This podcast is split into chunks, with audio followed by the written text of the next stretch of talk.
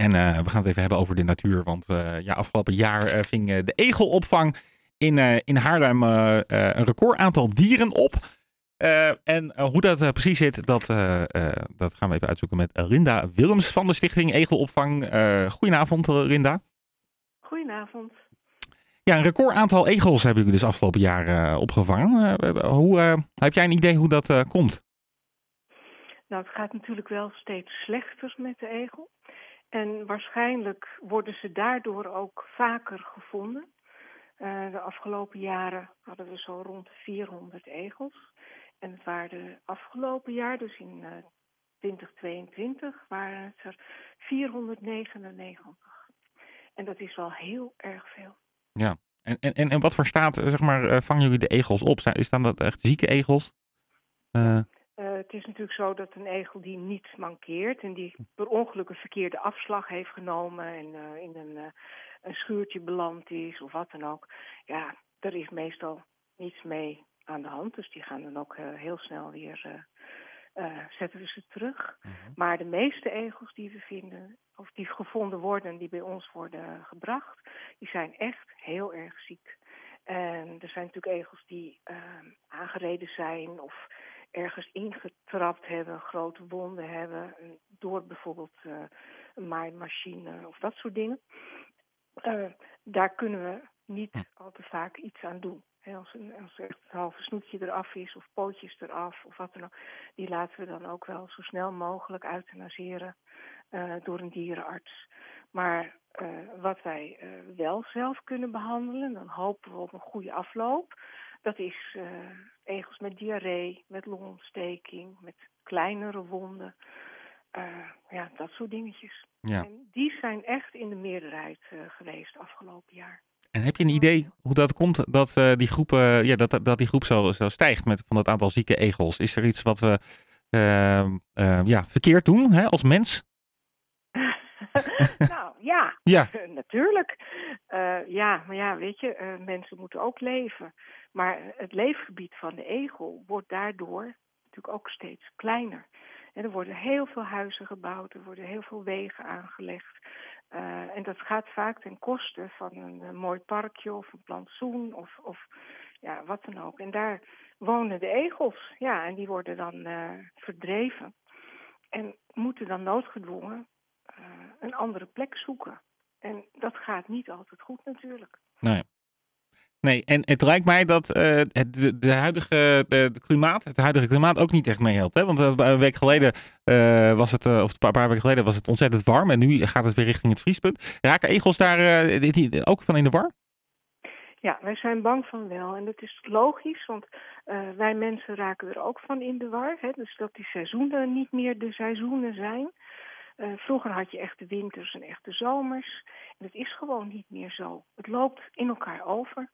En uh, de zomers zijn extreem droog geweest. Ook dus afgelopen jaar, maar het jaar daarvoor ook. bloedheet en heel droog. En juist in de zomer hebben die egels, die vrouwtjes, hebben dan hun nestje. Nou, als zij net bevallen is van allemaal kleintjes en ze moet werkelijk, ik weet niet hoe ver lopen om water te vinden, dan gaat het heel vaak wel eens mis.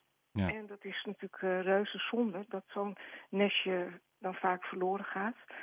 En het nadeel is ook dat zo'n uh, vrouwtjesegel uh, na verloop van tijd, als zij geen nestje meer heeft, dat ze nog een keer zwanger wil worden.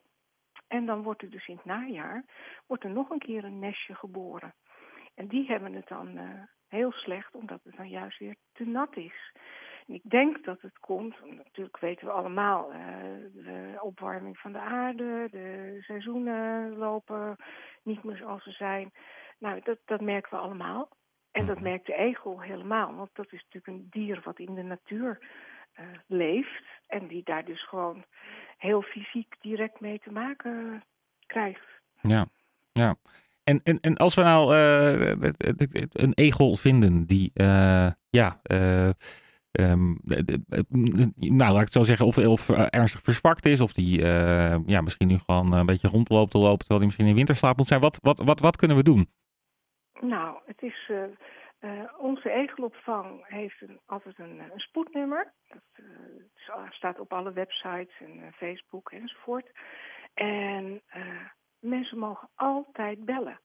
Hè, en als je s'avonds laat, als je nog eventjes de hond uitlaat om 11 uur en je ziet dan een egel, ja, dan is dat niet zo gek. Want een egel leeft s'nachts, dus dan is je misschien aan het, aan het scharrelen op zoek naar eten. Alleen in deze tijd zouden we verwachten dat egels uh, in winterslaap zijn. Ja, ook dat zijn ze nog niet. Dus aan de ene kant denk je, is er iets los met die egel die s'avonds loopt? Die heeft misschien honger of is verstoord uit zijn winterslaap, als hij al in winterslaap was gegaan. Of hoort hij daar gewoon te zitten, of is hij ziek. Uh, daarom uh, zeggen we altijd tegen de mensen, bel ons gewoon op. En wij nemen als we niet slapen, nemen wij altijd de telefoon op. Dus echt van, nou, van ochtends half negen tot avonds tien uur krijg, krijgen de mensen een antwoord. En dan kunnen we afspreken wat de mensen met zo'n egeltje kunnen doen. Ja. En soms uh, wonen die mensen best wel een, een eentje weg. En dan zeggen we, nou, dan geven ze een advies hoe ze hem even de nacht over kunnen houden. Wat ze kunnen eten geven en hoe ze hem even uh, kunnen veiligstellen. En dan kunnen we de volgende dag uh, kan die naar ons toe komen. Maar ze kunnen ook altijd s'avonds komen. Dat is geen Ja. probleem. Nou, dat is een hele goede soms tip. is het niet nodig. Nee. Soms is het niet nodig. Maar ik denk dat het beste is dat mensen ons wel bellen. Want eh, hoe, hoe goed dierenambulances ook zijn, het zijn geen egelspecialisten. Wij kunnen misschien toch nog wat eh, explicietere vragen stellen. Mhm. En dat als de mensen ons dat vertellen, we kunnen via WhatsApp kunnen de vinders een, eh, een filmpje of een fotootje doorsturen. En dan zien wij vaak al in één oogopslag, oh, dat zou wel eens dat en dat kunnen zijn. Ja. Die moeten we eventjes parkeren en eh, dan kunnen wij er morgen naar kijken. Of als u wilt, kom hem maar brengen. Nou, dat is een hele goede tip. Ik, eh, ik wist dat niet, dat we de- ja, praktisch dag en nacht kunnen eh, eh, bellen. En al anders dan de volgende ochtend. Dat is een hele goede tip. Sticht, eh, Stichting Egelopvang Haarlem. Als je dat op internet intypt, dan kom je ongetwijfeld achter het telefoonnummer waar, waar, jullie op bereikbaar zijn. Dan, eh, ehm, weten wij weer voldoende. Dan gaan we uitkijken voor egels. En hopelijk ja, kunnen ze een, toch nog een goede winter door.